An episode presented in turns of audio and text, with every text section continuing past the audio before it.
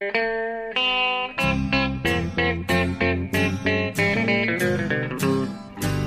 out there, we're on the air. It's hockey night tonight. Tension grows, the whistle blows, and the puck goes down the ice. The goalie jumps and the players bump, and the fans all go insane. Someone roars, Bobby scores at the good old hockey game. Oh, the good old hockey game is the best game you can name. And the best game you can name is the... Hallå, hallå, hallå, hallå, hallå, hallå, hallå där, hallå, hallå där, hallå. Hallå där! Välkomna till eh, NHL-podcasten med eh, Hallåmannen ni hörde där.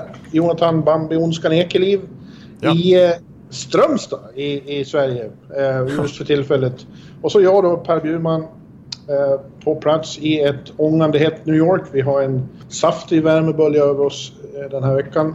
Så vi sitter här och flämtar i, i, i draget från våra AC-apparater. Ja, just det. Ja, Jag sitter snarare med en liten sjöbris här eller någonting. Nej, men det, det har varit fantastiskt väder idag. Ja, vad härligt. Vi, vi ska, jag ska bara säga det, vi, ska, vi, vi spelar nu in avsnitt nummer 292. Det är 292 gången ni hör oss sitta här och babbla. Det är fantastiskt hur, hur länge vi har hållit på med det här. Hör du. Ja, det är det. Och vi sa precis innan podden här att eh, vi kommer klippa 300 och mitt i slutspelet liksom. Då kommer jubileet. Och jag ska redan nu börja skriva på en sång eller någonting som jag alltid får för mig att göra. Ja, Fram till dess, ja. och, jag ska, och jag ska föreslå för våra chefer att vi måste ha en jubileumssida i, i tidningen och så. Oj! Där, Ja. Per Bjurman berättar fem saker du inte visste om Jonathan Ekeliv. Det Nej, nej, det är ett dåligt förslag. Kommer något annat. Ja. Ja, men hörru du, eh, vi får ju förklara för lyssnarna här nu. Vad, vad gör du i Strömstad av alla ställen i världen? Jo, men det är ju... eh, Ja, rent bokstavligt talat så är det ju kärleken som har tagit mig hit. så att eh, Ja. som sitter här en och en halv meter ifrån mig som publik här på dagens podd. Ja, vad fint. Ja, och vinka Hälsa. här nu till lyssnarna om det nu hade gått igenom i en podd. Men eh, Ja. så är det i alla fall. Eh, så att eh, här har ja, familjen en liten sommarstuga helt enkelt. Så att därför Ja, sitter jag i. Strömstad och tittar ut över vattnet. Ja, det har inte varit det enklaste för, för dessa två broderfolk att ses den här våren och sommaren, eller hur? Nej. Nej, precis. Det är ju med corona att göra här och Norge är ju inte helt förtjusta i Sveriges strategi och sådär. Så att eh, jag kan, ju- Nej. oh, jag kan ju i princip omöjligt komma till, eh, till eh, Norge. Då, då måste jag offra tio semesterdagar i karantän. Att, I eh, Oslo, eller? nej? Ja. Nei, så jeg kan ikke eh, liksom komme da til jeg får jo da ta den her varianten. Nei. Men vi kan inte eh, ha några, vad säger de? Vi kan inte ha några svenskjävlar. nej, ungefär så säger de. Eh, På norska, hur låter det på norska? Det är sådana svenska jävlar som kommer till, eh, till på den norska gränsen som vi bankar dem rakt tillbaks, du vet. Ja. Nej, nu, nu, jag såg direkt på reaktionen här från publiken att det var inte, det var inte korrekt norska. Ja. Nej, nej, nej. men du, eh, ja men Strömstad är ju trevligt. Jag har faktiskt, där har jag varit, mitt starkaste minne därifrån är att jag en gång checkade in på ett hotell och när jag kom, öppnade dörren så var jag på Sven-Erik Magnussons rum. De hade gjort något fel i receptionen. Det var det värsta. att, eh, det var han, eh, Sven-Ingvarsmannens rum. Oj. Det var ju på den tiden jag ägnade somrarna när jag var musikskribent på Aftonbladet och, och var ju den som hade huvudansvaret för sommarbevakningen Ja, det eh, är... av all, all musik. Och då låg jag verkligen på rull över landet från mitten av maj till slut, ja, början av augusti. Så eh, och, och, det var ju fint så tillvida att jag- fick verkligen se Sverige eh, under de där åren. Ja, jag på ett sätt är jag förvånad, på ett sätt inte förvånad att du naturligtvis har en sån liksom 4,5 plus anekdot från Strömstad. Liksom. Nej, det var ju lite förvirrat. Eftersom det var dem jag skulle dit och recensera också så var det ännu konstigare. Ja, det var ännu konstigare förstås. Ja. Vad blev det för betyg då? Kommer du ihåg det? Nej, det kommer jag inte ihåg. Men eh, det var ju alltid trivsamt att se Sven-Ingvars. Det var ju, eh, det ju alltid klämmigt och så. ja, ja, visst. Det är säg folkligt. inte nej, säg, Säg kanske, kanske, kanske. kanske. Det Ja. ju underbart att stå och sjunga med. ja, det förstår jag. Ja, visst. Ja. ja, vi får se om det blir. eh, Vi ska eh, tippa hos kanske. Jag har tänkt att tippa lite i den här podden sen i alla fall. Så då får vi se om man säger kanske eller om man säger nej eller om man säger ja. Vi får se. Ja. Men eh, annars, eh, du har det bra? Eh, ni har haft det trevligt och så? Ja, fint precis. Väder, Vi har haft... Fint väder och- så? Ja, ja, det tycker jag vi har haft och vi har hunnit med en liten eh, tur till Skåne också innan detta. Så att, Mhm. Det har varit riktigt svensk sommar måste jag säga. Du kommer ihåg senast vi pratade, det var två veckor sedan nu. Då var jag ju väldigt sur och arg för jag hade ont i nacken. Ja, precis. Hur har det gått med nackspärren egentligen? Ja, sådär alltså. Det, det går upp och ner. Förra veckan då, då bestämde jag för att jag måste göra någonting åt det här. Så då ringde jag till kiropraktor. Mm. Eh, och då var det som att nacken blev rädd. För att eh, när, jag la, när jag la på så blev det bra. Är det sant? och så var det bra någonting och då, då avbokade jag den här tiden. Och sen har det kommit tillbaks. Jävla lur i nacken. Ja, men det, det, finns ju någonting där i alla fall. Att du testar att ringa igen så kommer den ju bli rädd igen. Ja. Det här är någonting jag ska testa nästa gång jag känner lite i nacken också. Att ringa en kiropraktor och boka en tid, så då, är, då, är det ju, då kommer det försvinna av sig självt. Då behöver man inte gå dit. Ja, ens. det verkar så med min nacke. Den, den var skraj. Ja, ja. Men, jag, men vad jag skulle säga att jag är ändå på mycket bättre humör idag. Därför att eh, då eh, satt jag ju och, och grymtade om att jag inte var det minsta peppad på hockey och så. Nej. Men eh, strax därefter så publicerade de ju, offentliggjorde de hela spelprogrammet med matchtider och så. Och då var det något som klack till i mig. Då ja. vart jag plötsligt, eh, då vart det så här, fuck, kolla. Fem matcher om dagen här. Oj, oj, oj. Och det är ja. slutspel, alla matcher betyder något. Det här blir ju någonting att sätta tänderna i. Ja, jag såg ju på, på din, eh, ditt första blogginlägg som du har ju startat upp bloggen nu igen också. Att där var det ja. andra tongångar. Det var inte jag, det var inte den Bjurman jag kände igen från senaste podden liksom. Utan nu var det ju något helt annat. Just det där ja. med att nu blev det ju svart på vitt. Nu blev det liksom konkret. Nu har nu ja, tv-tiden, NBC och bla bla bla och Viaplay och alltså hur, hur det kommer gå till. Ja, i, i, i, teoretiskt har jag fortfarande invändningar om att det kanske inte är moraliskt försvarbart och så. Men det, det, det hindrar inte att jag, att jag blir jävligt äh, ja, peppad på att få se Vi får väl, nu, nu ska man ju hålla, keep your shirt on. Vi får ju se hur det är när, när, när, när de börjar utan publik och så. Ja, ja visserligen, men ändå. Gamle Biffen gillar ju och det är liksom slutspelet, det är då du lever upp. Det är, då du, det är din prime på året. När du... Ja, men det hade ju varit jävligt mycket större om det hade varit så att jag kunde åka. Ja. Eh, om, det hade varit, om en av städerna hade varit här i, i, USA, vilken enorm skillnad det hade gjort för lilla mig. Ja, precis. Och verkligen känna att du är på plats. Även om det är speciella förutsättningar och alla intervjuer görs via Zoom och sådär. Så att du egentligen kanske inte... Ja, det påverkas inte så mycket rent eh, arbetsmässigt för dig att sitta i korresoffan istället. Men ändå att känna lite inte, puls. Inte den regelrätta bevakningen, men, men för bloggen blir det en enorm skillnad. Det skulle ju finnas väldigt mycket att berätta från runt omkring. Ja. Eh, så jag har nu ändå akkreditering eh, till eh, konferensfinal och final i Edmonton då, ifall saker och ting har blivit bättre då. Att det har ljusnat, att det är lättare att ta sig över gränsen och att man inte behöver börja med 14 dagars karantän i, på ett rum i Kanada. Nej, det förstår jag att man vill undvika. Men det är bra att du har fixat det så att du Ja, kanske kan förlänga sviten i antal eh, Stanley Cup-finaler på plats. Exakt. Jag har till och med ett brev här från NHL som ska visas upp i passkontrollen om jag ska igenom då. Att, att, jag är essential. oh, du är essential till mig. Ja, så här är det faktiskt eh, om lyssnarna har glömt bort det. Per Bjurman är en av, endast ett fåtal journalister som är med och röstar i Conn Smythe, alltså till slutspelets MVP. Så han är ju ja. essential, den är gamle ja. Mm. Ja, visst. Och uh, ja, vi får from my lips to God's ears får vi väl säga då. Hoppas att det har blivit bättre för det vore ju eh, något ändå. Men alltså instruktionerna vi fick här om hur, hur en karantän på kanadensiskt hotell skulle gå till. Det var, det var hårda bud. Aha, det var Man skulle inga... direkt från flygplatsen med specialbil till hotellrummet och sen är dörren förseglad i två veckor. Du Aha. får inte gå ut. Oj. från rummet. Så Ingen pass. städning. Ja, och, men man kan få mat då en gång om dagen eh, lämnas utanför dörren och så får man öppna på något speciellt vis och ta in den. Oj, det var så. Det är nästan, det är som ett fängelse. Ja, verkligen. Och det har jag ingen som helst lust med. Det verkar inte som det kommer nästan någon, några eh, amerikanska journalister alls åka upp dit. Nej, det, det är den bilden jag har fått när jag har sett på Twitter och stora profilerade beat reporters och sådär som inte åker dit. Nej. Utan sitter hemma till exempel Tampas beat reporter, han är kvar i Tampa. Ja, jag tänkte på sådana, kanske några lokala, men nej. Larry ska inte upp och, och Burnside och Cervelli och nej, ingen. Det blir de kanadensiska journalisterna som får ta hand om det här. Ja. Good för dem. Ja, good för dem ja. ja, precis. Men det, ja, som sagt, det är ändå väldigt eh, gjort så att det ska vara enkelt att följa från distans också. Så att ni, ni ska ha tillgång till spelarna och sådär via Zoom. Ja, ja. Vi, vi, vi ska göra det bästa av det här. Soffan får en framträdande roll under... under... Ja, den är aktuell för Consmite kanske. ja. Vad det lider, vem vet? Ja. ja, det är också spännande att ha sett nu på, eller spännande, ja, intressant skulle jag säga, hur eh, alltså, den här bubblan för spelarna mm. håller på att ta form. Eh, de kommer ju också leva i fängelse, ett lyxfängelse. Golden ja. prison. Eh, men de här amerikanska lagen som kommer upp får också börja med 10 dagars karantän eller vad det är. Ja, nej får, precis. Får, får, inte vara ute och sen efter det då, då kommer de ju specialarrangerade så de får, kan åka och spela golf och så. Ja, men det är under strikta restriktioner det också, alltså under hela vägen, utan det är väldigt sådär... Ja, de kommer inte att ha fysisk kontakt med någon som är utanför den där bubblan. Det är absolut förbjudet. Ja, precis. Och är, alla lag ska ha någon polis inom situationstecken som ska följa dem så att de verkligen inte bryter mot några regler heller. Utan det kommer vara väldigt så här, de, det kommer vara svårt att fuska med det.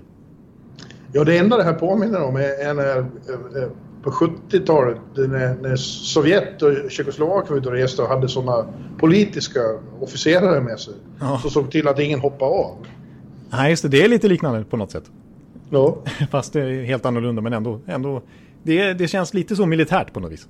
Ja, men det, det här är lyxvarianten. Ja, de kommer ju att skämmas bort något ohyggligt för att de ska hålla humöret uppe på dem. Men jag tror att i vissa fall kommer det säkert att bli lite jobbigt. Alltså. Ja.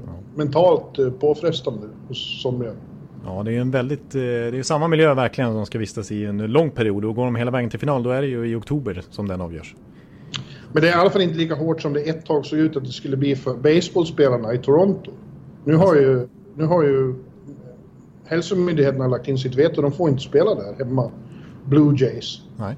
Eh, men när de skulle... Då var, den, den som eh, påträffades utanför bubblan där riskerade 750 000 dollar i böter och fem år i fängelse. Oj, oj, oj. Ja. Då håller man sig där. Då håller man sig hemma. Okej, okay, ja, okay. så långt sträckte sig inte Gary Bettman i alla fall att uh, McDavid åker på fem år i fängelse om man rör sig utanför den där jag tror, grinden. Jag tror, inte det, jag tror inte det var kommissionären som kan bestämma att någon ska sitta i Nej, det kanske inte. Det, det funkar lite annorlunda. Jag tror det var myndigheterna. Ja, det... Bettman, Bettman har inget fängelse här på Manhattan där han sätter in folk. Nej, okej. Okay. Nej, okay. Ja, men det var bra att du klargjorde det i alla fall. ja. ja. Ja, men du, eh, om vi ska prata om det här. Eh, nu, det börjar ju närma sig. Eh, ja. Så vi ska, vi ska grotta ner oss i, i de här framförallt eh, play-in eh, momentet först då.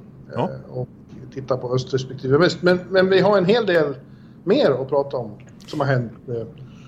Ja. Och färskast av allt nu, nu, när vi spelar in det här är ju då att Seattle har fått sitt namn, sina färger och sin logga offentliggjord idag. Och ja. de kommer att heta vad, Jonathan? Det blir Seattle Kraken. Jag tar det på det amerikanska uttalet där. Det på svenska låter lite annorlunda. Som du har konstaterat direkt i nyhetsartikeln såg jag. Ja. Men ja, Seattle Kraken. Något slags sjöodjur. Ja, med kopplingar till, eh, till Norden och Skandinavien. Det var ja, där... nordisk folktro. Mm. Ja, så här, eh, mytologi om, om, om, att det var ett enormt sjöodjur med åtta armar som, eh, som ställde till det för sjöfararna. Satte skräck ja. sjöfararna. Ja. Eh, och det har man då tagit fasta på i Seattle. Eh, man menar att det, de har, det ligger vid havet och att de har en koppling till det marina. Ja. Eh, och eh, menar också då att det ska bli lagets kännetecken att de sätter skräck i de som kommer farande där. Ja. Men det är, det är ju, i, i svenska öron är det ju så att det låter ganska bedrövligt. Ordet kraken är ju för hemskt. Ja, det är raka motsatsen till eh, skräckinjagande om man säger så. Ja, kraken. Det är, det är ett otroligt fult ord, eller hur? ja, ja, rent så här eh, estetiskt när man tittar på det och när man uttalar det så nej, det, det, det, det ligger inte bra i munnen. Nej, det gör inte det. Det, är bara att konstatera. Det verkligen inte. Nej, och, eh. och det här med krak, ja, krakarna som måste spela Seattle liksom. Ja, stackars krake. Ja, verkligen stackars krake. Ja. Och, men, det, ja, men jag pratade med vår, hade lite kontakt med vår redaktörsvän eh, Glader, Kristoffer. Ja. ja. Eh, och vi konstaterade att det blir roligt i alla fall för eh, rubriksättarna kommer att ha kul med det här. Ja, det kommer man kunna variera lite kring. Ja, när vi, vi kom fram till att när de har, när de har varit riktigt fula någon gång. Några spelare i laget, då, skri, då är rubriken Kräken i kraken. ja, den, den, den har jag inte tänkt på, men den är bra. Ja, ja det, och jag, exakt. Och jag kommer skriva i bloggen när, när de är riktigt dåliga. Det är som man kräks. Eller ska man säga kraks? ja, ja. Ja, det känns som att du skulle kunna hålla på ett bra tag med det här. Alltså. Ja, det finns stackars, någon... stackars krakar till läsare. Ja, ja. Nej, jag får nästan sätta stopp här nu så att det inte fortsätter. Alltså. Men däremot så eh, såg väl eh, färgerna, de ska gå i, det är olika nyanser i blått. Eh, Ja. Från is, isblått till bara, påminner kanske lite för mycket om Winnipeg. Jag tänkte också på Winnipeg direkt när jag såg det. Mm. Eh, eh, generellt sett så är jag väl... Tycker att de lyckades ganska bra med både loggan och Ja, tröjan. loggan tycker jag var snygg. Mm. Den, den är ju ett S men liksom formad, det är ju ett eh, sjöodjur som är format som ett S. Och, Ja. det, var, det var rätt snyggt, det får jag hålla med. Det var rätt cleant precis. Både sjö och också lite så här som en våg typ. Mm. Och, och sen också den här andra loggan som de ska ha på axlarna som är ett ankare. Första så- liksom blicken ser det bara ut som ett vanligt ankare men så är det ju faktiskt den här eh, det som är kännetecknet för Seattle, det här stora höga tornet. Vad heter det? Space Needle. Ja, just det. Ja, just det. Space. Som är inkorporerat i själva ankaret som, på ett väldigt cleant sätt. Eh, Ja, nej, jag tycker, jag ty- tycker de lyckades bra, att det var snyggt och cleant och, och sådär. Men jag håller med om att färgkombinationen kändes lite Winnipeg och kanske inte jättespännande och rolig. Men eh, Nej, och, och, och jag får lov att säga att jag tycker inte att Winnipeg... eh, De har inte den roligaste liksom, framtoningen med sina färger. Det, det är inte så att man blir wow. nej. nej, jag håller med lite grann. Lite sådär. Så jag pendlar mellan 3 och 4 plus här till Seattle Krakens eh, ja, färgkombination och eh, tema. Sen ska man ju komma ihåg vad gäller namnet då, att vi sitter nu och så här. Sen går det några säsonger, då, eller redan första säsongen, så, så har man ju bara vant sig. Tänker inte på det längre. Nej. Det Nej, faktiskt det- som en- det är som i en- Golden Knights. Ja. Ja, jag skulle precis säga det. Det är precis som... Ah, fan sa man Golden Knights, vad konstigt. Det, det går inte att säga riktigt. Men nu, är, går det, nu funderar man inte på det. Nej, nej precis. Alltså, jag kommer ihåg att de överhuvudtaget heter Vegas Golden Knights och inte Las Vegas störde man sig på. Ja. Och sen nu säger man ju bara Vegas. Nu låter det konstigt att säga Las Vegas tycker jag. Ja, verkligen. Las Vegas Exakt. Golden Knights, det går inte. Men det är sånt där man, man vänjer sig. Jag kommer ihåg när, eh, det här är ju före din tid, Ja. när, när eh, eh, Sverige lanserade 20-lappen. Det hade ju inte funnits förut. Eh, och, och, och det hade funnits 10 kronors sedlar och de kallar man för 10. Det var liksom så självklart. Men när folk skulle börja säga 20, nej, det går inte. Nej, nej. Och Ja. nu, så- det är så självklart. Likaså att man skulle säga 2020, 2020 om det här året. Nej, det går inte att säga. Nej, 2000 går inte att säga. nej. Nej, de här referenserna flyger över mitt huvud lite grann. Det var, jag känner att det var före min tid. Men jag, jag förstår poängen. Ja. Nej, men det är som om vi säger så här då. Om, om, eh, om tusen år, då kanske inte du och jag är med. Nej, Men det, man kan ju hoppas att vi gör vårt tre miljonte pod, podcast. Ja, det, jag har en liten förhoppning i alla fall. Men eh, 30-122 blir ju konstigt att säga, eller hur? Ja, det blir väldigt konstigt att säga. Eller vi, vi behöver inte gå så långt. Vi kan ju ta 20 2000 om, om, om 80 år. 2122. Nej, det låter väldigt fel. Nej, nu, nu vart det väldigt off topic. Ja, ja, vi lämnade lite Seattle Kraken här kan jag säga. Började snacka Ja. om 21 032 istället. Men, Ja, ja, men, men hur som helst. Eh, 21-22 så kliver Crack, Kraken in i, i, i NHL. Vi får 32 lag. Vi får en eh, mer synkroniserad balans mellan väst och öst. Eh, Arizona kliver in i Central Division och Seattle eh, tar deras plats i Pacific. ja, precis. Och det kan man väl tipsa lite om. Det tror jag att många av er kanske har lyssnat på. Men vårt sista avsnitt innan lilla sommaruppehållet då. Ja, det sista vi spelade in i juni. Eh, där gick vi igenom Seattle och vilka spelare som kan tänkas hamna i den klubben nästa år ungefär. Ja, det blir väl ett drygt år fram i tiden som den expansionsdraften äger rum. Eh, det var ju en del ganska heta Vi namn. och vi, det var du som... Ja, det var jag, men det var mest jag som började namedroppa lite. Men det var ju namn som faktiskt... Du gjorde ett hästjobb där. Men eh, ja, precis. Det var en, du tror ju att det kan bli fler stora namn den här gången än eh, när Vegas var... Ja, faktiskt. Till exempel nämnde jag faktiskt Brent Burns. Just det. Med den eh, motiveringen får ni, ja, då får ni lyssna på det avsnittet helt enkelt. För det var en det var lång plädering om det. Ja, Men eh, eh, vilka svenskar var det? Det var några sådana också. ja jag hade ju till exempel, eh, det största namnet kanske var eh, ja, Markström faktiskt. Det vore ju en, en sensation om han hamnar där eh, som kommer vara värsta rivalen för Vancouver. Men Ja. eh, sen har vi ju ja, Mattias Ekholm tycker jag eh, skulle sjunga till lite grann om han skulle hamna där. Men jag är ju som sagt inte säker på att Nashville kommer skydda honom. Mm. Eh, mm. Nej, men det finns... Eh, eh, jag rekommenderar att lyssna på det avsnittet i så fall. Ja. ja, men vi hälsar Seattle Kraken eh, välkomna till NHL även från podcasten och eh, ser fram emot de fans som vi kommer att höra av. Det kommer säkert att vara några unga människor med kopplingar till Seattle som vill som kommer hålla på dem. Ja, det tror jag också. Och sådana som har läst boken om Seattle Wonders. De kanske börjar heja på. Seattle Kraken också. Ja. Och, och, och människor med, som gillar musikhistorien i Seattle. Den är ju djup. Och, Den är stor. Den skulle du kunna ha en egen podd om tror jag. Om alla band som kommer därifrån. Ja, om de har den där Space Needle på tröjan då tycker jag de borde ha Kurt Cobains ansikte någonstans också. Ja, det får de ju faktiskt lösa. Han är ju minst lika ikonisk. Ja, verkligen. Ja, men hörru du. Vi Mm. fortsätter. Det har hänt som sagt lite mer. Vi har en ny coach. Eh, Just det. New Jersey Devils valde till slut eh, att eh, städsla ingen mindre än Lindy Ruff. Ja. Senast, senast vi såg honom var han assisterande i Rangers. Jag vet inte om han är det resten av den här säsongen eller hur? Nej, jag tänkte på det också. Är han det eller har han hoppat av nu? Jag, jag är osäker på det måste jag säga. Jag tror Ja. inte han är kvar, eller? Jag tror... Jag tror Ja, ja, ja, ja, men ja, varför inte? Varför ska han inte... De, de kan inte bara ta in en ny assisterande coach. Ja, ja, jag vet inte. Men framförallt har han ju en lång, lång bana som huvudcoach för framförallt Buffalo. Men sen även Dallas. Ja. Eh, han var någon mer så? Nej, det är väl de två. Ja, Och så han var det Rangers-giget då. Ja, men han var väldigt länge i Buffalo. Men eh, alltså jag suckade lite tungt när jag såg den här nyheten. Ja, Jag såg i bloggen att du hade skrivit, eh, du jämförde det med en landsortsrestaurang som Ja, ska försöka för- förnya för- sig lite grann och sen så tar de in en plankstek, eller om ja, då det blir planksteken ändå, de orkar inte. Ja, men jag har ju känningar i, i, i restaurangbranschen ute på landsorten. Och det hände då att de... Ja, men vi, vi borde förnya oss lite och vara lite mer moderna och så. Vi, vi försöker... Men sen fegar de ur när helgen närmar sig. Nej, nej, vi kör på plankan. Ja, ja exakt. Spritslad mos och så. Och lite så känns det. Det känns ju verkligen det som eh, ett fegt val. Ja, precis. Och inte så här jättetungt val heller. Visst, Linda Ruff det är en väldigt etablerad coach och sjätte flest segrar faktiskt i hela NHL-historien eftersom han varit- varit med så länge. Men eh, för några veckor sedan så satt vi och pratade om att Peter Laviolette var det hetaste namnet.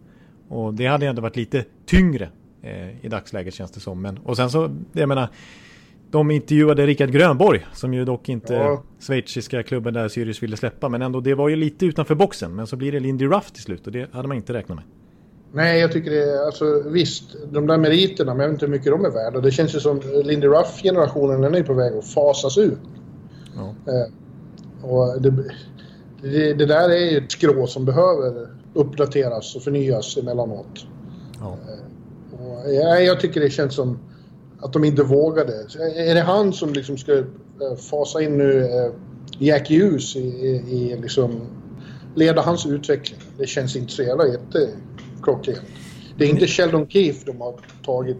Nej, verkligen inte. Nej, precis. Jag skulle mycket hellre sett en Sheldon Keefe typ. Men till Lindy Ruffs försvar, om jag ska försöka argumentera för honom lite grann nu så... Ja, ja han, alltså om man klumpar ihop han med hela liksom old school-generationen så... Ja, han är ju... Han tillhör ju den på, verkligen på det viset att han är ganska ruff. Som hans namn antyder. Att han är Ja. ganska hård i, i stilen. Och man, det har varit mycket så rapporter om straffträningar och sånt där. Att han kan vara ganska hård i ny, nyporna. Eh, Men samtidigt så hans spelsätt är ju ganska modernt. Han är ju en offensiv coach. Han är ju en possession coach liksom. Om man ser på hans lag. Hur de har spelat och spelarna han har utvecklat. Unga spelare han har utvecklat också. Så har han ganska bra track record. Alltså när hans tid i Buffalo när han fick fart på Daniel Breers karriär som de tog dit. Och med Thomas Vaneks Jonathan, det är ju över tio år sedan. Ja, precis. Men sen om vi kollar när han kom till Dallas. eh, Jag menar, då tradade de till sig Tyler Seguin som inte alls fick det att lossna i Boston. Och så kom han till Dallas och blir en riktigt stor stjärna. Och John Klingberg bara slår igenom i dunder och brak under Lindy Ruff. Eh, Ja, men Fast eh, det var, var, ju, var ju ingen succé där heller. nej, de missade slutspel massa gånger på slutet där och han fick sparken. Eller ja, det blev ju ingen Ja. fin sorti. Men, eh, och, och Rangers här, alltså. Där har jag, det konstiga tycker jag är att han har haft ansvar för defensiven där. För att hans kännetecken är ju snarare offensiven. Att han får, jag menar, vi kommer ihåg när, i Dallas där när vi pratade om att de hade ett ligans Mm. mest potenta anfall och att deras powerplay var som ett kärnkraftverk ungefär. Ja, det var underhållning att se deras powerplay. Ja, precis. Och nu är det ju liksom inte samma fart på, det, på de spelarna trots att det är väldigt stjärnglans i Dallas powerplay-uppställning. Liksom. Eh, men, men, och i Rangers då så offensiven har, väl, har varit väldigt bra som sagt att, att ansvara för defensiven och där har offensiva backar som Tony DeAngelo och Adam Fox verkligen öst in poäng den här säsongen och liksom tagit stora kliv. Men defensivt, katastrof liksom hur, hur det är svängdörrar i egen zon.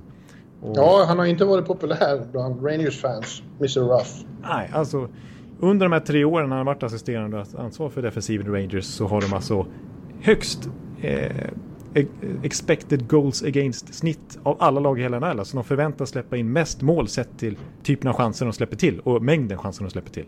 Så att, och det är Lindy Ruffs ansvar. Han ska ju sköta defensiven i Rangers och se till så att det förhindras målchanser. De har ju levt på Henke och Sjestjorkin och Georgiev. Liksom. Ja. Så att, ja, så att jag tror inte att han kommer liksom styra upp Devils på ett bra sätt här. Sen så kanske ändå han kan liksom, jag tror inte han kommer begränsa Hughes, han kommer inte begränsa Hischer eller Bratt eller Gusev och sådär. Utan de spelarna tror jag faktiskt kan lyfta under Raft ändå. Men, men som lag så tror jag inte Devils kommer lyfta speciellt mycket. Nej, det har jag svårt att se också. Eh, så det är så. Eh, vad har vi mer då? Eh, eh har vi de underbara nyheterna om att eh, Oskar Lindblom är klar med sin behandling och att allt har gått bra och att han är frisk.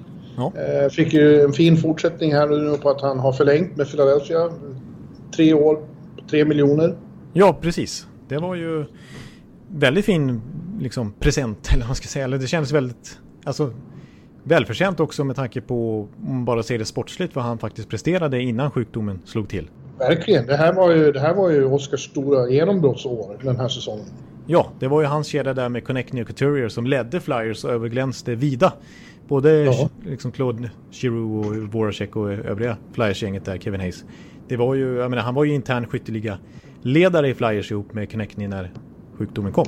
Så att han, var han har ju gått och blivit en ja, nyckelspelare kanske att ta i, men en viktig spelare i alla fall. En, en spelare som Flyers lutar sig lite mot. Absolut. De var ju, Vigneault sa ju det flera gånger när han kom dit och så erkände han att han hade ingen vidare koll på Oskar Lindblom. Men det var ju den största positiva överraskningen. Ja. Eh, I, i, det där var faktiskt väldigt bra laget. Det var en bra säsong av Flyers. Ja. Eh, det ska bli väldigt intressant att se vad de uträttar här i, i, i play-in-rundan. Vi, vi kommer till det. Ja, det kommer men, vi till. Men, äh, men som säger, det vill jag understryka det, att de är lite under radarn också. De är faktiskt ett av topp fyra lagen som inte behöver spela play heller. Så nej, bra så. säsong gjorde de och det är inget lag man snackar om som en contender riktigt ändå. Nej, en dark horse, absolut. Eh, kul med oss. Jag pratade med Oskar här, här om veckan eh, när han gjorde intervjuer efter, efter att det här blivit klart. Då, att han är klar med, med behandlingen. Och, eh, han är en så jävla underbar kille också. Det vittnar ju alla om. Det finns ingen man bli så, på så bra humör av att träffa. Faktum är att första gången jag träffade honom, då var ju du med. Ja, just det. Ja, det är sant. Mm. I Detroit. Ja, det var det. Eh, och ända sedan dess så har han varit... Liksom varenda gång man träffar honom så är det bara ett stort leende. Och varm och, och charmig. Otroligt positiv människa. Ja. Eh, och jag vill säga en till sak om hans rent spelegenskaper så här, för man kanske inte... Han är väldigt allround Lindblom, så man kanske inte tänker specifikt på liksom vad som är hans styrka. Men en grej som jag tycker alltid sticker ut när jag har sett honom, både hemma i Brynäs då och landslaget då i Flyers, är att alltså, han måste ha bland NHLs starkaste handleder eller någonting. För att han är otroligt bra i trängda situationer vid sargen eller framför målen och sånt där. Han kan vara hur, hur trängt som helst och ändå så med en hand bara kan han få iväg ett skott eller passning eller göra precis vad han vill med pucken. Han liksom... Ja, Ja, framförallt det där med runt kassen har, har jag tänkt på någon annan spelare här. Att, att han liksom är ofta på rätt plats där och vinner, vinner närkamperna eh, runt kassen och får in mycket returer. Och så. Ja, precis. Och hitta pucken liksom i ja. olika lägen. Han har, det känns som att han har lite tentakler som en cracker nästan. Och liksom, någon arm här och där dyker upp överallt och han liksom söker upp pucken. Liksom. Ja, och nu kommer han då förmodligen också få ett pris. Han, han är ju nominerad till Masterton och det tror vi jag är hundra på att han vinner det. Och detta var en övergång för att komma in på Awards då. Just det. Den var snygg. Den var snygg, ja. Det var ju liksom mid-season form. Ja, eh, för att nu har ju då alla namn eh, som är nominerade, nomineringarna är tillkännagivna. Mm. och det var väl ingenstans någon överraskning, eller hur? Nej, det var mycket de namnen som vi har diskuterat i våra egna awards liksom, nomineringar som vi har haft när vi har listat och haft oss och tänkt och argumenterat och så vidare. Eh, rakt ja, över, från liksom Hart Trophy ända bort till Selke ungefär. Vad har vi i Hart? Vi har alltså... Eh, ja, det blir ju samma i både det... Hart och Ted Lindsay. Ja, Nathan McKinnon, eh, eh, Leon Draisaitl och Artemi Panarin. Ja, det är väl i så fall Panarin kanske, ja, som man vissa argumenterar för Jack Eichel. Vissa kanske hade velat haft någon Boston-spelare, typ Pasternak. McDavid ja. förstås då, eller Draisaitl. Mm. Ja, nu har du nämnt alla som jag tror var aktuella. Eh, Panarin. Det, det, blir ju svårt när både Draisaitl och McDavid i samma lag är så, är så dominanta. De tar väl röster av varandra. Ja. Aj, det ska ju vara den som är mest värdefull och då är det svårt att ha två mest värdefulla. Ja, det är det som, är, som jag tänker som gör att jag ändå, min röst faller på McKinnon. För det är lite samma sak med Panarin. Alltså, han var ju otroligt bra, faktiskt flest 5 mot 5 poäng i hela ligan den här säsongen, mer än Dreisaitl till exempel. Men där har jag en annan kille som är lite MVP-mässig, jag menar Mika Zibanejad. Ja. Eh, fler mål än eh, någon annan i hela NHL. Eh, fler än Ovechkin, fler än Pasternak under 2020 i Zibanejad och fler poäng än Panarin under det här kalenderåret. Så att, jag menar, därför tycker jag att McKinnon på något sätt blir den som är mest, mest sticker ut. Liksom. 43 poäng fler än någon annan i sitt lag och så som han bar Colorado när Rantanen var borta, när Landeskog var borta. Eh, han har ju verkligen, han är ju så mycket MVP det går tycker jag. För ja, han är, min, han, är min, han är min etta just för vad han gjorde. Att eh, Colorado förblev ett topplag fast halva truppen var skadad berodde bara på honom. Ja, precis. Ja. Så, nej, jag... Just när man ska motivera på det viset så tycker jag McKinnon är nummer ett. Sen i Ted Lindsey då kan man verkligen argumentera för någon av de andra. För det är ju den bästa spelaren. Liksom. Eh, och det är ju spelarna ja. själva som röstade. Ja, Eh, Norris, där har vi Victor Hedman igen för fjärde gången i rad är han nominerad. Eh, han vann 2018. Ja, det är rätt stort för ingen, ingen back har blivit nominerad fyra år i rad sen Niklas Lidström blev det från 05 till 08. Ja. ja, det är den typen av namn man får lägga i munnen. Ja, eh, det vittnar ju om att Victor eh, liksom håller en oerhört hög och jämn klass. Att han är bra hela tiden. Ja. Eh, nu, nu kommer han inte att vinna i år tror jag. Jag tror att det är... Eh, jag tror att det priset är, reserverat för John Carlson. Ja, och jag är, när vi körde vår egen Awards-gala så gav jag det faktiskt till Roman Josi. Ja, eh, Men det står väl mellan de två. Ja, det gör väl det. Roman Josi är poängbäst i Nashville. Och också liksom enormt viktig för att de till slut ändå är med i det här. Han är ju deras MVP ju... i en väldigt ja. tuff säsong för ett underpresterande Nashville. Mm. Ja, exakt. Men John Carlsons start på säsongen eh, var ju... Alltså de första månaderna. Ja, ja det var ju Bobby Orr. Liksom. Ja, exakt. Så jag tror att det är svårt att bortse från. Ja, det var så fruktansvärt mycket poäng så att det var inte av det här millenniet liksom. Att man ska kunna göra så mycket. Han har stannat av lite grann och därför så, så menar jag på Jose. Men det är, det är en... Ja, det är, det är två väldigt bra alternativ i alla fall och Hedman är ju såklart trea bakom dem skulle jag säga. Ja, men det är en heders, eh, hedersgrej tycker jag. Att, eh, och det känns som Victor kommer fortsätta vara, vara ja, Norris Trophy. Jag kan nästan fyra år till skulle jag säga. Ja, absolut. Kommer han åtminstone vara aktuell för det, absolut. Och jag vill säga det med Hedman som jag tycker aldrig nämns som honom är att Alltså hans kontrakt, det är ju, nu är det kanske för att jag är Tampa-supporter men det är ju en stil alltså att han, han tjänar ju mindre än Jacob Truba liksom. Och han gör det till 2025 så att det, det där kontraktet på någon, lite drygt, ja knappt 8 miljoner dollar per säsong under så många år till är ju det är ett rån ja, för en Norris Trophy-back. Ja, Han ska ha 11-12. Ja, precis. Och ja, med gamla regler. Nu kommer det inte att bli så mycket mer pengar. Nej, nu, precis, nu står det tvärstilla i NHLs ekonomi. Eller den går ju back. Men, men de hade, lönetaket kommer ju inte höjas på överskådlig framtiden. Stackars spelare. Det kommer att vara någon folksångare som gör en, en djupt känd bitter sång om hur synd det är om dem. Ja, aj, aj, aj vad... Det, det, det är illa. Aj, aj, aj. Ja, ja eh, Vessina. Där mm. hade vi Tokarask, Hellebucken och vem var den tredje nu? Ja, det var ju Vasilevski. Ja, just det. Mm. Eh, där hade vår vän i Arizona kunnat blanda sig i om han inte hade blivit skadad och borta så länge. Eh, Kemper. Darcy Kemper, ja. Men eh, det är väl Hellebucken? Eller är det Toka? Ja, jag har argumenterat för båda under säsongen tror jag, men jag min röst faller till slut på Hellebuck med tanke på just det också lite där med MVP. Vissa vill ju blanda in han i, i Hart faktiskt. Ja, ja faktiskt, det, det förstår jag.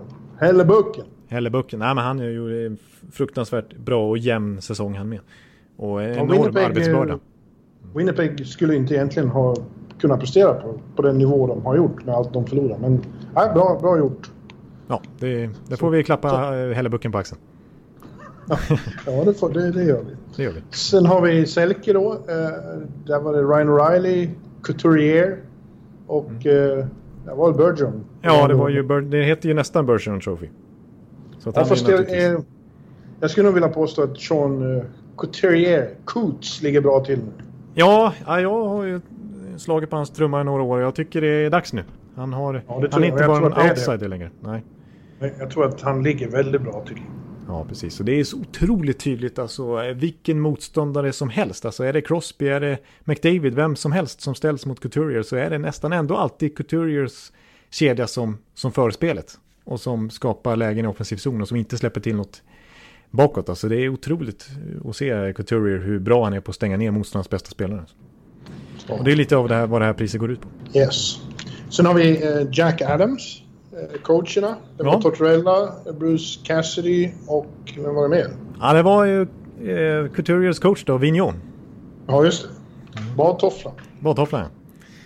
Ja, han har gjort det bra, men det är ju ingen... Det är ju som vanligt. När han är ny i lag så går det alltid bra för de lagen. Ja, så vem vet. Det, det är de, våran dark horse här kanske går hela vägen. För att vi, det är någon slags Vigneault-effekt. Ja, fast jag är hur en konfliktig det är om hans personlighet så tycker jag att John Tortorella har visat enorm klass eh, med Columbus. Ja, med, med de spelartappen. De tappar sin franchise-målvakt, de tappar sin franchise-forward och de tappar Matt Duchene som de har offrat halva sin framtid för att få. Eh, och ändå så är de på slutspelsplats. Liksom. Ja.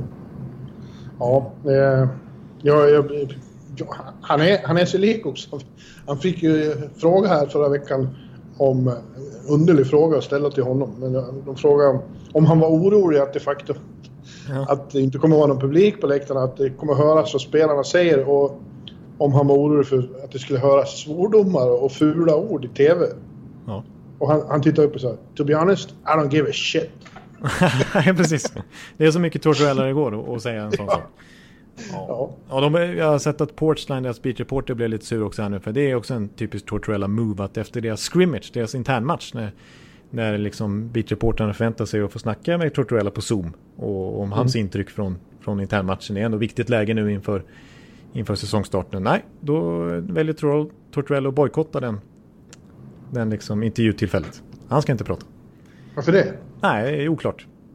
Jaha. Det är bara Tortorella liksom. Han, han funkar ju så. Ja. Ja, ja. Eh, vad har vi mer för... Lady Bing behöver vi inte gå in på. Jag tycker det är meningslöst. Ja. Eh, General Manager of the Year, har vi fått dem? Nej, det tror jag inte vi har fått. Men vi har fått... Nej. Calder har vi fått. Ja, just det. Förlåt. Calder är ju en tung kategori som jag glömde bort. Just det. Mm. Där är det ju Queen Hughes, det är Cale McCarr, det är väl de två det står mellan. Och sen den tredje var ju lite sådär oklart vem det skulle bli. I början av säsongen var vi helt säkra på att det skulle bli Golofsson, Victor Olofsson. Ja. Men så kommer han skada där eh, vid december ungefär och han missade för mycket tid och då sprang Dominik Kubalik, en annan rookie-målskytt förbi honom, gjorde ju faktiskt 30 mål för Chicago och blev ja. nominerad. Ja. ja, just. Eh, men både du och jag har ju ja, hela säsongen till nästan eh, lyssnarnas kanske förtret och de har, vi har tjatat om Kay McCarr men för, för, för oss två så är, är han ju nummer ett här. Ja, Även om ja, det mycket absolut. kan bli ljus också. Ljus har varit, har, har ju, ju längre säsongen gått imponerar mer och mer. Men Cale McCarr, jag, kommer inte runt honom. Eh, att en, en sån ung liten parvel, en krake nästan. Ja, det är en krake faktiskt. Han är ju en krake. Mm. Spelar uh, hockey som en, som en, som en goddamn Niklas Lidström emellanåt. Ja, precis. Och jag har ju nämnt, jag måste göra det igen, alltså som en Nathan McKinnon fast back. Alltså den, samma pondus, samma explosivitet. Nej, för han är, han är något extra. Det är han eh, verkligen. Så jag, jag ger det till honom. Ja. Jag har ju varit med och röstat så jag, ja, du vet. ja, precis. Du, får väl avslöja vilka namn du har, men som jag förstår det så är det lite mer känsligt i vilken ordning på alla, liksom, totalt sett, dina fem val, liksom. Exakt hur ja. du har rankat. Men, ja. Men alla, alla som är, är nämnda här har jag haft. Det, som sagt, det är därför det inte är några överraskningar. Jag har inte chockat med några, med några namn som... Nej. Du har inte haft Roman Polak i Norris på fjärde plats där till exempel? Nej. Nej. Nej, det förstod jag. Roman, din vän Roman, han är en av de som har hoppat av. Det var ju väldigt få som, som tog uh, utnyttjade den här möjligheten och, och, inte... Ingen tvingas ju vara med om det här experimentet. Nej. Det var några stycken. Det var, ja, var det sex eller sju stycken? Det var ju Travis Hammonick är väl det mest namnkundiga namnet Calgary-backen som faktiskt har utgående kontrakt nu också. Så han kanske har gjort sin sista match i Calgary. Eh, Mike Green, som ju han spelar två matcher efter traden från Detroit till Edmonton som har valt att hoppa av också. Ja. Eh. Men så mycket mer än så var det inte. Nej, men eh, jag hoppas att, liksom, att inte någon, att någon skugga faller över dem. Vill man inte och är orolig och rädd för det finns hälsoskäl i, runt sig i familj och så. Det, det, jag tycker det är självklart att man ska få... Ja. ja. Ja, precis. Och så var det ju till exempel i fallet Hamnick. Hans dotter där, som han var orolig för. Eh, så ja, precis. Det är ju inga, inga konstigheter och det ska verkligen inte falla någon skugga över honom för det. Utan det, var ju högst, det är ju frivilligt. Liksom.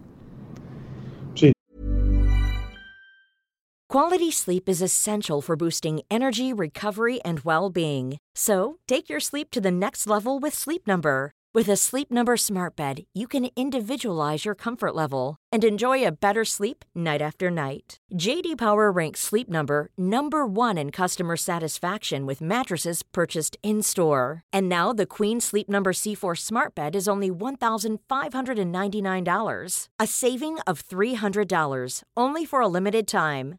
For JD Power 2023 award information, visit jdpower.com/awards. Only at Sleep Number stores or sleepnumber.com.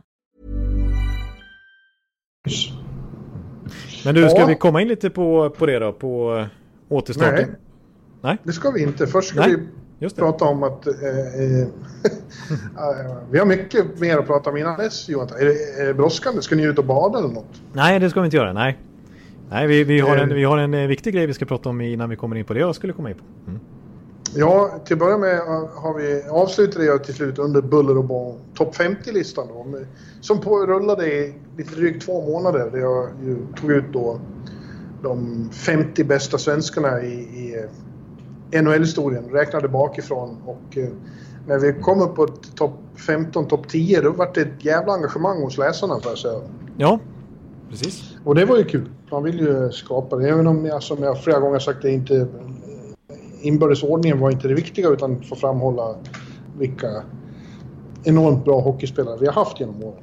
Ja, du la inte ner lika mycket lång tid på att komma fram till själva listordningen som själva listan tog att skriva, om man säger så. Nej, Nej eh, och jag, jag, borde nog ha lagt eh, manken till lite mer när jag gjorde själva listan. Eh, då tänkte jag mer på nu måste jag ju ha någonting att fylla, visa att jag behövs. Ja.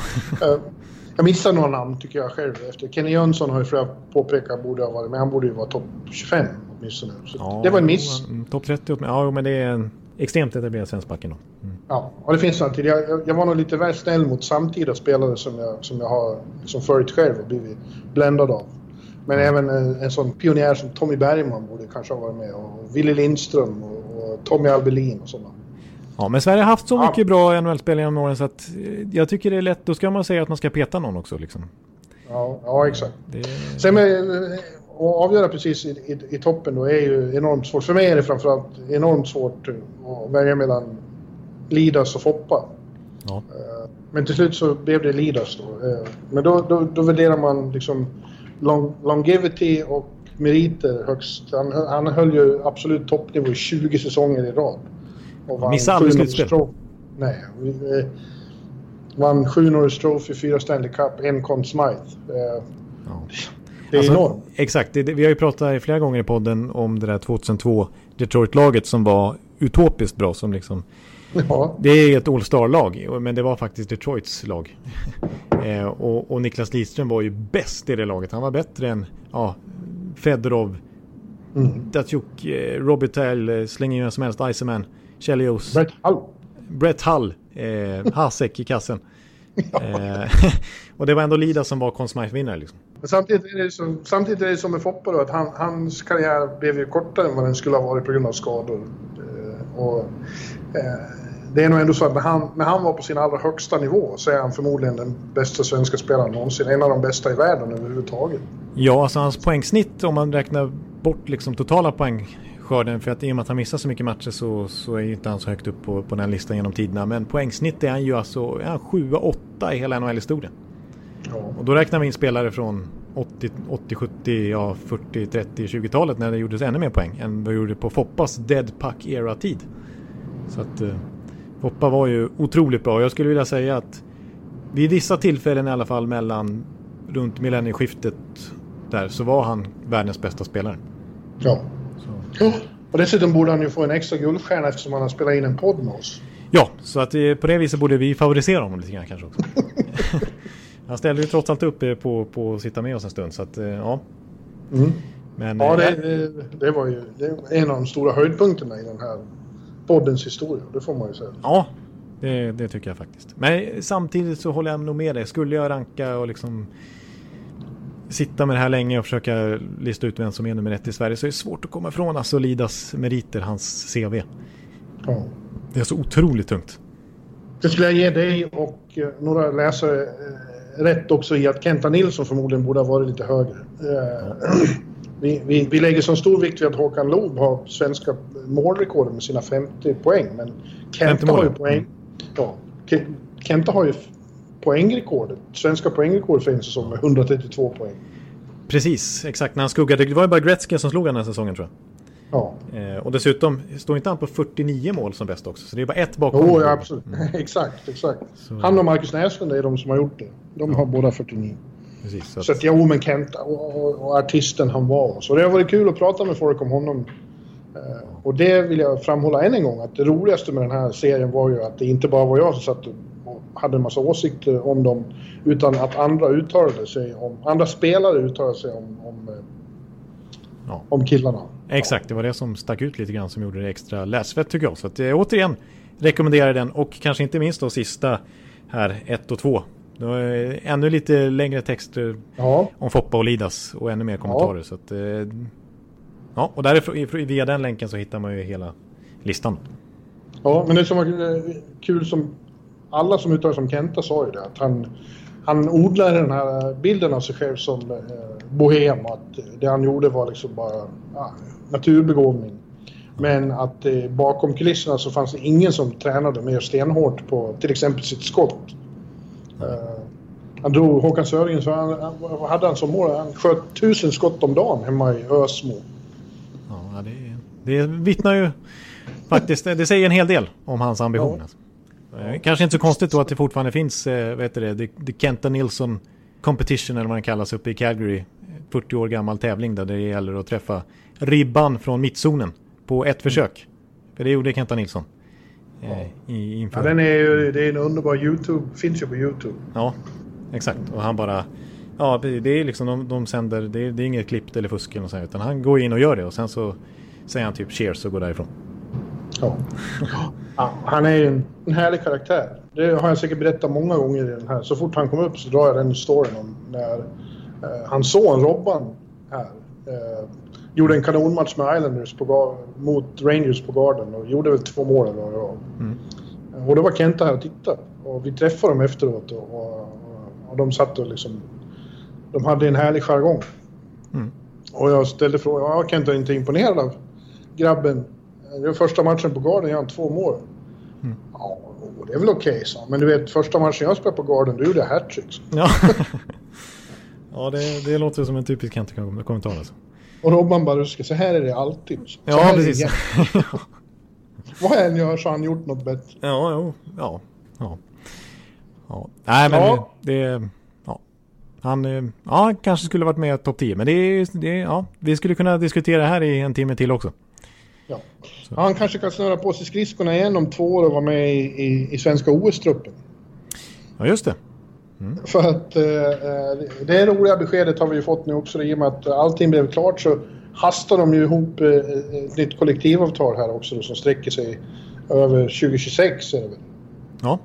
Eh, och i den dealen då ingår plötsligt, som det har varit sånt jävla tjafsande om i så många år, ja. eh, att ägarna inte vill och spelarna vill. Ja, nu plötsligt är det helt klart att eh, NHL deltar i OS i, i Beijing 2022 och i Milano 2026. Så det är ju superkul såklart. Ja, precis. Och det, vi var inne på lite det förra veckan också, men då var det ändå liksom så... ja, då var vi ändå inte så positiva liksom. Så då bara lät vi det svepa förbi lite grann. Men nu kanske det har landat lite att vi ska ju faktiskt få se NHL-stjärnor i OS. Ja, det känns som, eh, snacka om, eh, det här är målbilder för mig att hålla i och försöka övertyga våra chefer om att jag måste vara på plats och så. Det, det skulle, det, det är målet i mitt liv nu är Beijing 2022 och Milano 2026. Det är vad jag siktar på. Ja, ja precis. Ja. Och 2026 kan vi väl lämna det här tills vidare. Det är lite svårt att se sex år in i framtiden. Ja, det. Men, men 2022, man börjar ju direkt så här. Vilka, ska, vilka borde vara med? Och nu gjorde ju vi det redan i februari. Ja, det tog finns du, ett avsnitt i februari. En, tog du ut en Tre Kronor. Men, men man börjar direkt med det här och tänker på vilka vi ska skicka till Kina. Ja. ja. Uh, och uh, ja, det är, det är ju kittlande att hålla på med, eller hur? Ja, är jag, jag... Tre, jag, jag fick tre offensiva kedjor klart för mig direkt. Ja, de vill vi höra. Nu vill vi höra Bjurmans eh, version. Mm. Ja, första kedjan. Mm. Mm. Det är Filip Forsberg, Elias Pettersson, Viktor Arvidsson. Ja. Mm. Eh, andra kedjan, William Nylander, Niklas Bäckström, Viktor Olofsson. Golofsson? Mm. Mm. Och en tredje med Gabriel Landeskog, Mika Zibanejad, Andrei Burakovsky. Ja. De kändes som gjutna för mig. Det är många som hamnar utanför. Jag vill ju ha med Elias Lindholm och William Karlsson och, och så, sådär. Ja. Också. Ja. Men där har, mina, där har Garpenlöv tre kedjor av mig. De är klara nu. Ja. ja, det är, det är bra kedjor. Jag, jag tog upp mina från eh, som jag tog ut i februari där och det var inte helt eh, likt ändå så att... Mm. Och jag, ja, vilka kedjor hade du då? Ja, de som jag läste upp då det var... Jag hade ju Lindholm faktiskt i Ja, jag, jag, ser själv här att jag har faktiskt petat på duon Arvidsson Forsberg. Ja, jag kommer inte ihåg hur jag motiverade det, men, men eh, mina kedjor i alla fall. Det är Lindholm, Pettersson, Filip Forsberg. Eh, mm. Sen har vi då Landeskog, Zibanejad, Nylander. Eh, och sen Burakovsky, Bäckström och Golofsson. Och jag har väl tänkt att Bäckström börjar bli lite äldre då och få nöja sig av att vara tredje center. Ja, kanske, ja det, kanske, det kanske är så det ska vara. Ja. ja jag tänkte Mika, är för, Mika är för bra för oss som tredje center. Ja, precis. Och, och Pettersson, liksom 2022, det känns ju som en första center. Ja, men man har ju liksom man har fått det egenuggat i att William Nylander och Bäckström är sånt radarpar också. Ja, de är sen, sen superpolare. Ja, Nylander har, en, ja. trots allt har väl bott hemma hos Bäckström. Eller nej, Bäckström ja. har bott hemma hos eh, pappa Nylander. Och därmed ja, lärt känna, så är det. Eh, ja, och fjärde serien så hade jag Arvidsson då och William Karlsson. Och min lilla miniskräll här är väl i så fall då, eh, eller skräll, men det är Sunken. Oskar Sundqvist i fjärde serien. Ja, Eh, ja, absolut. Ja. Sen har jag skrivit upp lite wildcards. de här som blir draftade i år nu, vad heter de? Ja. Uh, de har jag skrivit upp som wildcards här. Eh, ser jag. Alexander Holtz och Lucas Raymond. ja, vem vet? Ja. Men, uh, ja. Nej, men så här, Andreas Nej, Jonsson, skulle han kunna få ett... Eriksson Ek, skulle han explodera helt plötsligt? Bratt? Pierre Engvall? Ja, om man skulle göra en, en om man skulle tänka sig en fjärde kedja som är mer uh, liksom grinder-kedja. Mm. Sunken, Jesper Fast och vem mer? Mikael Backlund? Uh, ja, ja bra. Mm. Den skulle inte bli lätt att möta. Nej. Nej. Nej, det är sant. Men jag tycker faktiskt att min, min fjärde kedja inte är så dålig grinder heller med Arvidsson om han tar den rollen och så William Karlsson som var lite Selke-mässig för något år sedan i alla fall, uppe för diskussion. Och så Sunken. Mm. Ja. ja. Back då? Där har vi ju Vigge och Erik. Första backpar, eller hur? Jo då, jo då. Eh, ja, det har jag tagit ut. Mm. Och sen har vi Rasmus ihop med vem? Ja, här kommer min dunderskräll eh, från i februari. Då skrev jag faktiskt upp, ja, jag hör ju hur det låter, men eh, jag tycker inte det är fullständigt osannolikt är inte ändå. Jag har skrivit upp Rasmus, inte Sandin, utan Rasmus Andersson. Ja, Ja, det tycker jag det är snällt. Det är för men, positivt. Jag eh, tror jag hade lite där med höger vänster och hit och dit som jag höll på med också. Men Rasmus Dahlin, Rasmus Sandin ser jag kanske. Det är Rasmus-paret. Ja. ja. Ja, men sen är det, det är bara två år dit. Eller ja. rättare sagt, i februari som det snart är, då är det bara ett år dit. Ja, exakt. Och då är det liksom, vi har inte ens nämnt Klingberg, Klevbom, Ekholm, Oliver Ekholm, Ekman Larsson. Mm. Ja, eller hur? Ska du peta dem? Nej, och vi har liksom Hampus Lindholm, Adam Larsson. Brodin. Erik Gustafsson. Ja. Marcus Pettersson som har slagit igenom ordentligt i Pittsburgh. Ja. Och målvakter då? Det, det, är väl svårt att säga att eh, Henke kanske är nummer ett då, 2022. Det, det, det är väl inte... Nej, han kommer inte vara det. Nej, utan det är ju Lener eller Markström som jag ser som de... Det är väl, de ja. skulle förmodligen vara etta, tvåa nu ju. Eh, eh och 2022 så står det väl mellan dem. Sen har vi inte så jättemycket spännande målvakter på gång bakom tycker jag. Nej, men det, det får ju Linus få komma. Ullmark? Ja. ja. Ja, precis. Så, och jag menar, har vi Lener och Markström så ska väl det kunna duga hyfsat bra ändå. Man också. tycker det. Ja. ja. Och Finland då? Nej, vi inte ta alla.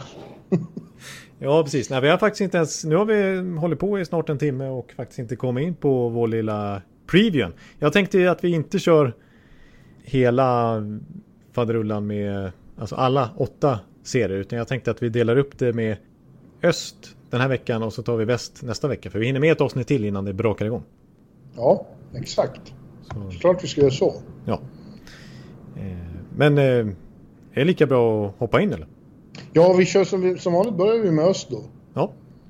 Eh, och där, eh, ja, vi, vi, tar det som eh, femman mot tolvan i det här eh, sammanhanget då. Ja. Det är Pittsburgh-Montreal. Precis. Och där eh, har det ju då pratats om att det är så synd om Pittsburgh, det är så orättvist att de kommer femma och kan åka ut mot en tolva. Eh, men eh, vadå? Ska man, ska, man vara, ska man hävda sig i de här sammanhangen, då ska man kunna slå tolv, tolfte laget. Ja, det är inte en och, bäst av en match utan de, det är ju trots allt bäst av fem matcher. Det ska de ja. lösa Pittsburgh, tycker man. Ja, det tycker jag också. Alltså de har, nu är de, ja det har i och för sig varit frågetecken kring Crosby, hur, om, han är, om han har någon skada eftersom han har inte varit med på alla träningar. Och vi får inte längre veta, vi får bara veta att de är, är not fit to play. Ja, det är väldigt hysch-hysch. Mm. Det kan betyda både att de har covid och att de är skadade. Vi får inte veta skillnaden. Nej, precis. Så det är väldigt så uh, whole body injury. Typ. Ja. Uh, men om, om vi utgår från att de har fullt lag så vi, uh, Montreal i all ära. Det är inget dåligt lag och de har Carey Price eh, och de, de har en del ungt intressant på gång i framtiden. Men det här ska de inte kunna... De ska inte kunna rå på Pittsburgh. Nej, precis. Pittsburgh tog trots allt 15 poäng fler i grundserien. De eh, gjorde fler mål, de släppte in färre mål, de hade bättre powerplay och de hade bättre boxplay. Ja. Eh, och nu är det ett ett, ja bortsett Crosby då, vi får se hur hans status är, men annars är det ju ett betydligt mer skadefritt lag än vad de var under säsongen. De var ju faktiskt det mest skadedrabbade laget av alla i hela NHL. Flest man games lost. Eh, men nu, nu är det ju nu är det så att nu kommer Jake Gensel tillbaka. Han var ju helt uträknad den här säsongen. Han är ja. plötsligt med i laget igen. Zach Aston Reese är med i laget igen. Och sen var det ju så att på grund av alla de här skadorna så var de ju väldigt aktiva vid deadline. Och Jim Rutherford tog in eh, Patrick Marleau, han tog in Jason Zucker som en ersättare till Gentzel. han tog in eh, Evan Rodriguez från Buffalo. Och nu är det så att nu har de ju typ 15 forwards som håller bra Stanley Cup-klass. Liksom. Alltså som man kan lita på att slänga in i ett sånt här sammanhang. Så att de får ju peta bra spelare snarare än tvärtom som det var under säsongen när de fick kasta upp från AHL-laget gång efter annan. Så eh, det är ett riktigt starkt Pittsburgh-lag. Och vad jag tycker glöms bort lite grann med Pittsburgh, man pratar ju nästan bara om deras offensiv och Crosby och Malkin. Det är ju hur stark defensiv de har också. Eh, dels både Murray och Jerry i kassen, det är ju ett svårt ja, val. Par. Mm. Vem de ska ställa där, men, men på backsidan så har de ju inte bara ett väldigt bra backpar nu i form av Letang och Dumoulin, utan nu är det ju så att eh, John Marino och Marcus Pettersson var ju otroligt effektiva den här säsongen. Ja. Jag tror, tror det var kan ha fel, åtminstone topp 5 eller om de till och med var etta när det kommer till det backpar som var bäst på att stoppa motståndare från att komma in i egen zon. Eh, alltså i, i Pittsburghs zon. Alltså otroligt bra på att stänga till redan vid blålinjen. En av Sveriges mest underskattade spelare i NHL just nu måste vara Marcus. Ja, väldigt bra räckvidd, väldigt positionssäker och, och duktig fysiskt också. Ja, han kan ta för sig om det behövs. Ja. Uh, ja. Så att, eh, ganska komplett Pittsburgh-lag nu, framförallt när de är skadefria. Väldigt bra defensivt, väldigt bra offensivt. Så att, jag tror jag sa det i vår lilla, lilla preview här i maj också när, när vi redan då började spekulera att eh, Pittsburgh, precis som Philadelphia, fast Pittsburgh i ännu högre grad, är en stor kandidat till att vinna hela skiten. Ja, ja, ja. Vi får se. Uh, de har ju som sagt uh, Carey Price och Carey Price. Det, Ska vi säga att, eh, att eh, Montreal tar en match i alla fall? Ja, jag har skrivit upp eh, tips för alla de här fyra matcherna och jag skrev 3-1. Alltså menar Montreal ändå, ja. de är jobbiga att möta, de är ettriga, de har fyra bra, de har liksom inte riktigt den här spetsen. Jag menar Thomas Tatar och Brennan Gallagher är bästa målskyttar, 22 mål, det räcker till delad 50-50 plats i NHL. Ja. Eh, men starka 5 mot 5, de är ju faktiskt ett av ligans bästa Alltså Corsi-siffror och sådär så ser de väldigt bra ut för de skjuter mest i hela NHL faktiskt Montreal. Men det är lite, det är inte riktigt rättvist ändå för att de gör ju inte så mycket mål. Eh, och eh, kollar man till possession time, alltså hur mycket tid de har med pucken i offensiv zon, då är de alltså 24 tror jag i ligan. Så att det är lite skenbart det där enorma skottövertaget de har. Eh, nej, jag tror inte det räcker. Eh, Price kan skälla någon match som sagt, men nej, det här tar Pittsburgh. Ja, Sen har vi Carolina nu, Rangers då, i en serie där det har blivit en sån sanning nu att, att Rangers har så bra stats på Carolina och alltid haft att de kommer att bara dansa igenom den här serien. Men det tror jag man ska akta sig för att dra det där för långt. Carolina är inte, är inte gamla tiders Carolina. Det är Rod Brindamores Carolina som mm. har lärt sig saker och ting. Eh, de är, framförallt visade de i förra året att de vet hur man spelar slutspelshockey. Eh, det passar dem väldigt bra. Ja, verkligen. Alltså nu hur de eh, brottade ner dem med sin etterhet liksom. Ja, vräkte omkull eh, regerande mästarna Washington i första rundan där. Och, och mm. sen var det 4-0 i matcher mot eh, Barry trots urtäta defensivt starka Islanders. Ja. Eh, sen tog det tvärstopp Så... mot Boston till slut. Men det var ändå ett, det var ett väldigt slutspelskompatibelt Carolina som visade upp sig. Ja. Ja. Och som du också, apropå skador då, nu fått tillbaks, de fick ju klara sig utan Dougie Hamilton som fram tills han bröt benet hade, en helt, eh, hade sin bästa säsong någonsin. Ja, verkligen. Han var ju nästan lite sådär eh, och aspirerade på en nominering till Norris Trophy så som mycket poäng han gjorde. Absolut. Hade han fortsatt eh, och inte blivit skadad då hade han nog varit kandidat tror jag. Ja, det, det, tror jag faktiskt också. Då hade Hedman fått se upp om den där tredjeplatsen. Ja. Men ja, och sen så, jag menar vid deadline, det kommer man knappt ihåg nu att det var, vi pratade så mycket om Carolina i februari. Eh, de tog trots allt in Vincent Trocek, en av de liksom tyngsta movesen då. De tog in Sami Vatanen som inte hann debutera på grund av skada men nu är tillbaks i spel och de tog in Brady Shea från Rangers.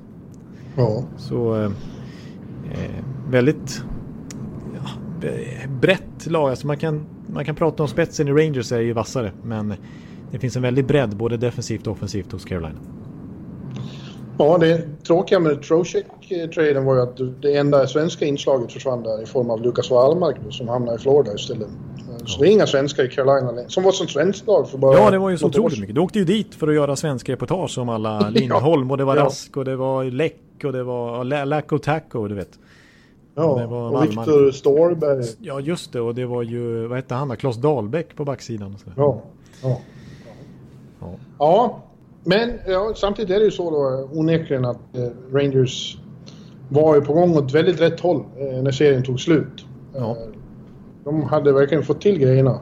Eh, och som du säger, framförallt eh, offensivt och med Mika i sitt livsform och, och Panarin. Eh, men även flera av de yngre killarna var ju på väg. Och, det är ju intressant på sikt vad som håller på att hända här i New York. Det går inte att säga något annat.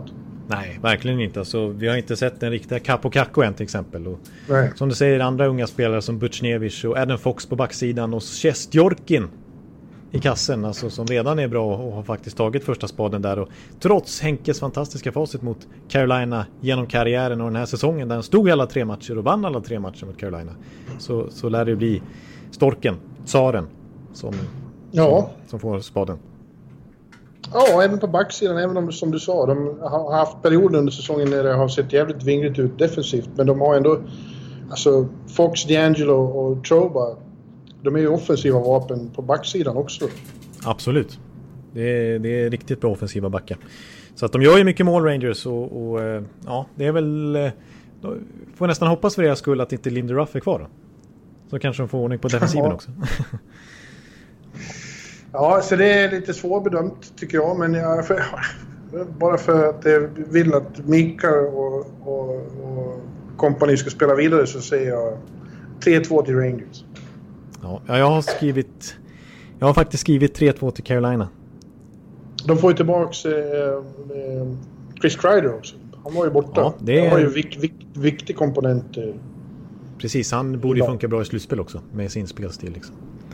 Ja. Eh, ja. ja, men jag, jag tänker så här att även om Carolina nu har så svårt med Rangers så deras spelstil borde, det, alltså man kollar på liksom min, mina, mina siffror som jag dyker ner i så, så är det så otroligt kompatibelt det här, den här typen som Brindamore står för nu är den här hockeyn han har införlivat i, i Keynes borde passa så perfekt mot det här defensivt svaga Rangers. För att Rangers är det lag som släpper till flest chanser i, från slottet och från egen zon. De är, har jättesvårt när de blir fastcheckade eh, Rangers att ta sig loss. Trots offensivt skickliga backar som borde kunna sätta bra första pass och sådär. Men medan Carolina är ju faktiskt det lag i hela NHL som är bäst på att dumpa pucken och forechecka och liksom trycka fast motståndaren. De har gjort flest mål från att, eh, eller flest chanser i alla fall har de skapat från, från forechecken, från att åter, snabbt återerövra pucken från motståndaren och sen komma snabbt in på mål och ta skott från slottet. Och det är där Rangers som sagt då är sämst i hela NHL. Så att Carolina borde passa perfekt mot Rangers. Men, Ja, ändå så har de inte gjort det. än. Nej, nej. Inte, inte i år heller. Nej, nej exakt. Så att, eh, ja. ja, men eh, vi säger att det blir fem matcher i alla fall och du säger Rangers och jag säger Carolina. Yes. Ja. Ja, nästa serie har vi ytterligare ett, eh, ett New York-lag och det är Islanders då mot Florida. Panthers. Just det. Mm. Svårbedömt också som satan. Eftersom eh, båda lagen var lite sämre än vad jag hade trott under grundserien. Eh, Ja. Nej, framförallt Islanders defensiv som ju varit deras adelsmärke första året under Trots. Eh, Alla var galet imponerade över hur tight de kunde spela. Och så blev det inte riktigt likadant. Eh, Och i någon mån är det likadant med Florida. Man tänkte att nu får de äntligen en toppmålvakt i, i, i, i Bobrovski. Ja. Och, men ja, de var ju väldigt bra tidvis offensivt, eh, Florida. Kul att se. De är riktigt vassa framåt. ja, ett av de mest underhållande lagen att se. Så är det Ja, Till ja. skillnad från Islanders. Mm. Men släppte in på tok för mycket mål. Ja. Och framförallt för att Bobrovski var en sån grav besvikelse. Ja, han är det största. Liksom man, nej, man hade väldigt stora förhoppningar på, på, på honom och på Floridas defensiv. Liksom när de tar in Joel Quenneville som ska styra upp och Anton Strålman kände så... Liksom, när han är inne på isen blir det ju nästan aldrig några farliga chanser. Det har jag vant mig vid i Tampa. Ja. Eh, Så att man trodde och liksom Mike Kitchen som följde med eh, defensiva högra handen till Quenneville. Som dock inte är med. Han är en, faktiskt en av coacherna som har valt att opt-out. Eh, han Vem? Eh, Mike Kitchen. Quenvilles eh, Ja. ständige vapendragare. Just det, men Quenneville själv ska vara med. Han ska vara med i alla fall. Men eh, nej, det är, det är som du säger. Sjätte flest mål gjorde de i grundserien. Så verkligen då, eh, offensivt potenta och underhållande att se. Men då som sagt då, sjätte mest mål bakåt släppte de in också. Så att eh, man vet aldrig riktigt vart man har Florida. Nej, men man vet inte riktigt vad man har Islanders heller. Eh, för det, medan, de, medan de hade större problem än väntat defensivt, bland annat för att eh, ja, de gjorde ju misstaget sig av med Robin Lehner. Eh, och Varlamov var inte alls var i samma kraft. Eh, men samtidigt är det så att de har inte varit lika vassa framåt då, som Florida har varit. Nej, det är ju stor har- skillnad. Stor skillnad. De har inte kunnat kompensera på det sättet. Men nu får vi se om han nu tar in Jean Gabriel Pajot innan, innan eh, där vid trade deadline. Ja. Han hann ju inte visa upp sig så jättemycket, men det är ju ett, ett, ett tillskott såklart. Ja, han borde ju passa perfekt i trotshockeyn där när de, när de är täta defensivt och, och spenderar mycket tid i egen zon. Men så sticker de iväg på kontringar. Och det är, Peugeot är ju en av ligans snabbaste spelare på att sticka Ja. iväg i den typen av situationer. Öser ju in mål i boxplay till exempel. Eh, Men eh, ja, med Islanders, som du säger, alltså grejen var att de började ju säsongen jättebra. De ledde väl till och med ligan ett tag. De hade ju, slog ju klubbrekord med 17 raka matcher utan, med poäng. Utan Ja, förlust under tid. Sen så här under 2020-halvan av säsongen så, så om man bara räknar tabellen från det datumet, från 1 januari, då var de 26 i NHL. Eh, och de avslutade innan uppehållet med sju raka förluster. Så de var ju, och du, vi kommer ihåg att vi pratade om att Trots var frustrerad på presskonferenserna och inte sig Ja. själv riktigt utan att han, han insåg att det här håller på att braka helt åt fanders. Men jag, jag kan ändå tänka mig, alltså nu när det har gått så långt uppehåll och det liksom blir som en ny säsong igen, att alltså Islanders skulle kunna vara ett av lagen som gynnas mycket av det här uppehållet för att deras spelstil är ändå väldigt satt. Jag tror ändå alla spelarna vet exakt hur de ska spela. Eh, och hur de ska, Ja. Deras styrspel och deras liksom, struktur i egen zon. Och att de kommer ha väldigt lätt för att bara sätta igång igen nu och hitta sina roller snabbt. För det var ju som det är ju en indikation på förra säsongen, alltså den här, den här säsongen, är hur den började i höstas. Att de var otroligt bra i början. Och sen tröttades de av ju längre det gick. Men de skulle snabbt kunna hitta sina roller igen. Ja, det är, det är ett solitt argument. Å andra sidan är det få som man känner förlorar mest på... Eh, de är de som förlorar mest på att inte få spela på sin hemmaplan. Ja, Eftersom, du tänker så också. Mm. Nasa Coliseum, som de nu har spelat sin sista match i. Ja. Eh, eh, är ju allt väldigt oklart var de ska ta vägen nästa år. Ja. Det, det, det, var ju ett sånt vapen att få spela hemma i, i Colosseum. Mm. Ja, du har ju själv sett vad som kan hända där. Ja, ja visst. Det är elektriskt räcker inte till för att beskriva stämningen där. Jag kan ju säga det, det kom ju idag också samtidigt som Seattles namn kom så kom det ett namn på Islanders nya arena som håller på att byggas när den väl är klar vid 2021 eller 2022. Eh, UBS Arena. Jaha. Tror jag ska heta. Mm. Okej. Okay. Ja men det var ju ganska enkelt. Ja, inga konstigheter. Inte som, eh, vad heter den? Vad heter den nya? Green eh, Environment någonting eller vad den heter nu. I Seattle? Ja. Uh, ja, den hette något med... Uh, ja, Climate... Change, någonting. Ja, något, ja. ja, något sånt. Men de kommer säga Belmont Park i alla fall. Så den ligger i Belmont Park. Ja, hur som helst. så ja, jag tycker det här är svårt. Men jag, jag tror vid fem matcher här också att, att Floridas spets avgör. Eh, de fick ju också in, alltså Trocek tappar de nu då, men i, i gengäld har de fått in en Erik Haula som väl nu är tillbaks. Ja. Eh, och eh, Lukas Wallmark. Wallmark. Mm. Ja. Mm. Och sen, eh, det, ja, det hänger väl på att, att Bobrovski kan han bara spela som han ska, så vem vet? Exakt. Han eh, stod ju i kassen när Columbus nollade Tampa med 4-0 matcher förra året så jag vet att han kan vara fruktansvärt bra. Ibland.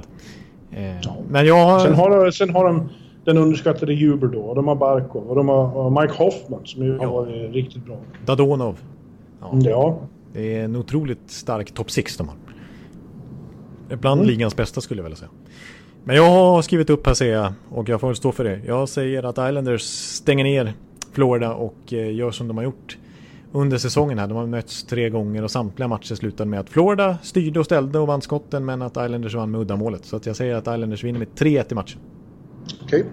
ja då skiljer vi oss åt där. Ja.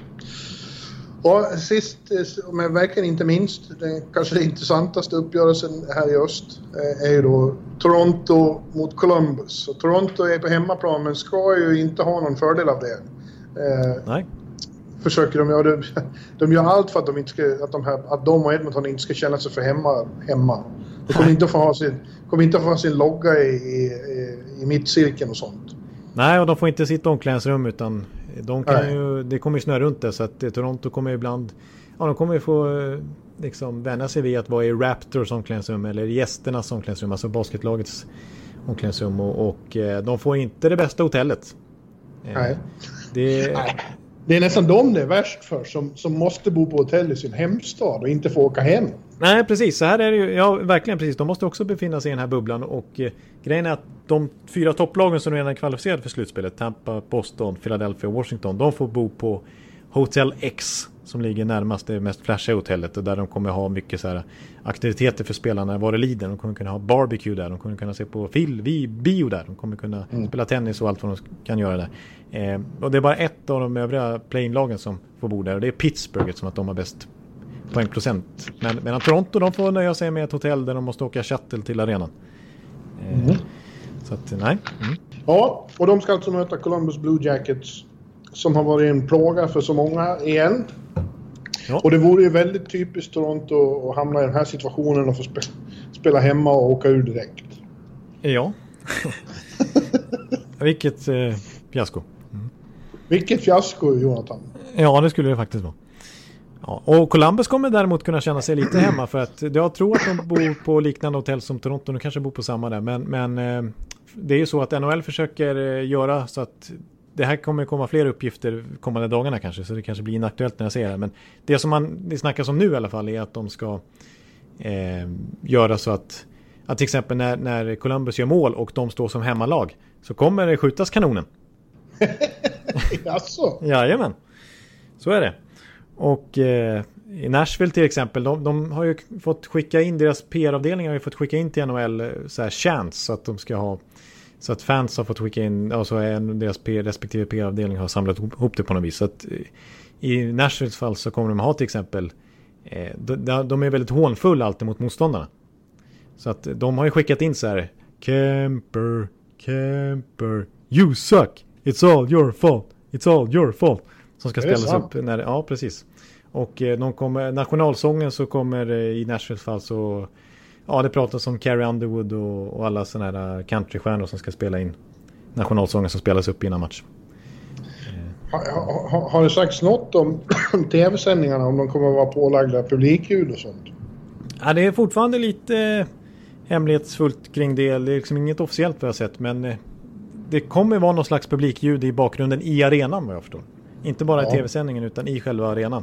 Och man ja, såg lite på någon, på någon trä, träningsmatch i basketen här att de testar att köra alltså publik, publik som syns i tv-bild på något vis eh, i läktarna. Alltså jag vet inte hur ja. jag ska förklara det. Det ser lite konstigt ut men de, de, test, de testar olika saker för att få lite stämning i alla fall. Ja. Ja, vi ska, det ska bli, ikväll är ju faktiskt eh, denna ons, torsdag så är det opening night i, i baseball. Eh, ja, Major League Baseball drar igång sin extremt förkortade säsong nu. Eh, och det är ju eh, en större händelse i USA än vad hockeyns återkomst är. Kan ja, lugnt säga. det är ju bara att konstatera det. Mm. Eh, så att det, det ska jag ägna mig åt ikväll. Det blir jävligt härligt. Eh, mm. Ja, och, och då får man, ja, och då får man kanske ett litet smakprov på hur det kommer kännas eh, att se på hockey också. Ja, precis. Exakt. För det är ju lite copycats mellan, mellan de stora ligorna där. Vad som funkar i en liga kan NHL sno eller kan ja. MLB sno från eh, NHL och så. Exakt. Ja. Ja, nej men eh, nu vi pratar om Toronto Columbus. Kommer jag på. Ja, just det. Vi eh. kom, vi kom ifrån det. Ja, eh, och ja, Toronto vann ju fiktiva slutspelet i, i Ja, just det. I bloggen. Avgjorde på hemmaplan. Då var det lite mer publik på läktarna än vad det kommer vara nu. Ja, eh, och eh, William Nylander var Conn Smythe-värdig och allt det där. Ja, just det. Precis. Ja, nej men... Jag... Men ja, Toronto borde ju vinna det här. Ja, de har ju ett betydligt mer namnkunnigt lag på pappret och en betydligt starkare offensiv framförallt. Ett av ligans bästa offensiva lag. Jag pratade om att eh, Eh, Islanders, eller vad sa jag nu egentligen? Islanders i alla fall det lag som spenderar mest tid i egen zon av alla lag eh, som vi precis pratade om. Medan Toronto är det lag som spenderar mest tid med puckinnehav i offensiv zon. Oh. Eh, så att de, är ju, de har ju sån otrolig firepower. De är också relativt skadefria nu. Eh, eh, Andreas Jonsson är inte med, men däremot jag menar, på backsidan får de tillbaks Jake Massin och de får tillbaks inte minst Morgan Riley. Mm. Eh, och det är Andreas, Matthews och det är Tavares. Andreas ska sägas dock att han, han följer med in i bubblan som det verkar och kan bli klar för spel framåt om de går vidare eh, ja. framåt andra omgången. Ja. Jo, det är sant. Så det, där kan de ju få en liten extra boost.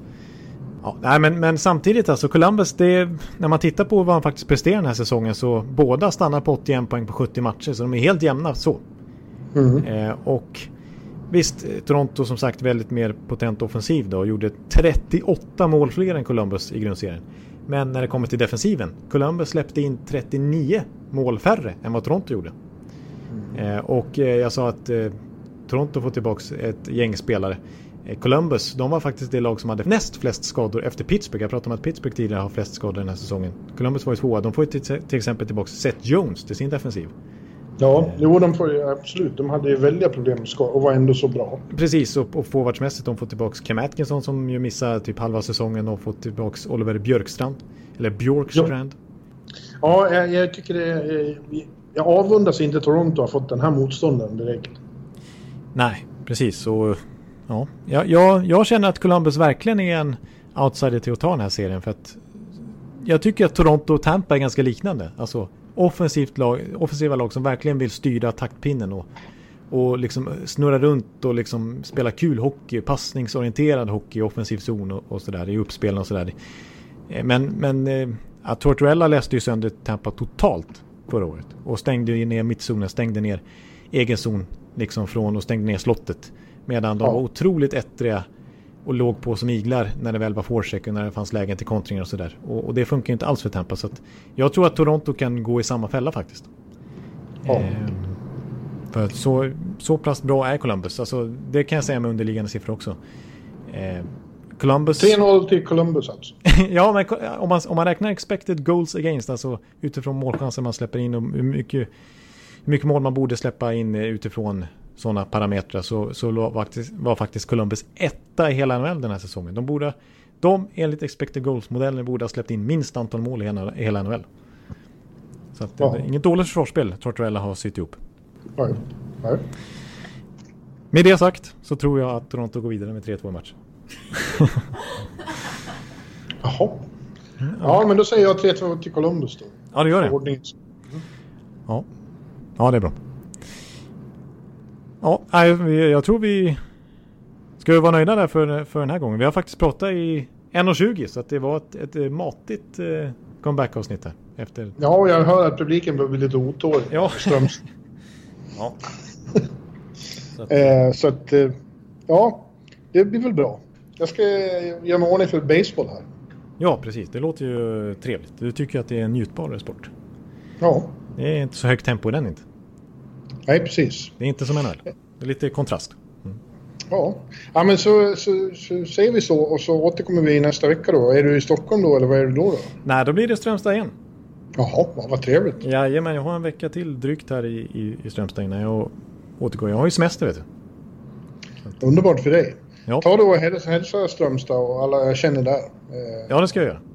Mm. Jag tror inte jag går in i samma... Liksom, nej, det, jag tror inte jag stöter på Sven, Sven-Ingvars här. Eh, faktiskt, men... nej, nej. Sen, sen är det som han har lämnat oss vid det här laget. Så det, skulle du göra det sensationellt? Det vore väldigt sensationellt. Där, där, där, där ser du. Mm. Ja, jag ber om ursäkt, eh, men eh, vila i frid säger vi då. Ja, Och, eh, men inte två lyssnare, utan vi säger eh, på återhörande. det säger vi. Hej då! Hej! Hallå, hallå, hallå. Hallå, hallå, hallå. Alex Chiazot, Joe Luis Arena och Esposito. Esposito. Uttalsproblem, men vi tjötar ändå. Och alla kan vara lugna, inspelningsknappen är på. Bjuder Hanna Kohl, han är grym i sin roll. Från Kållesoffan har han fullständig kontroll på det som händer och sker. Det blir ju allt fler som rattar in hans blogg. Och lyssna på hans podd. One, two, three, speed, so Hallå, hallå, hallå. One, two, three, speed, so Hallå, hallå, hallå. Ekeliv, som är ung och har driv. Verkar stor och stark och känns allmänt massiv. Han hejar på Tampa och älskar Hedman. Sjunger som Sinatra. Ja, och där ser man. Nu är det dags för refräng. Dags för magi, Victor Norén. Du är ett geni. Så stand up at home and remove your hats. Höj volym, för nu är det plats. One, two, three, speed, so Hallå, hallå, hallå. One, two, three, speed, so Hallå, hallå, hallå. One, two, three, speed, so Hallå, hallå, hallå. One, two, three, speed, so Hallå, hallå, hallå.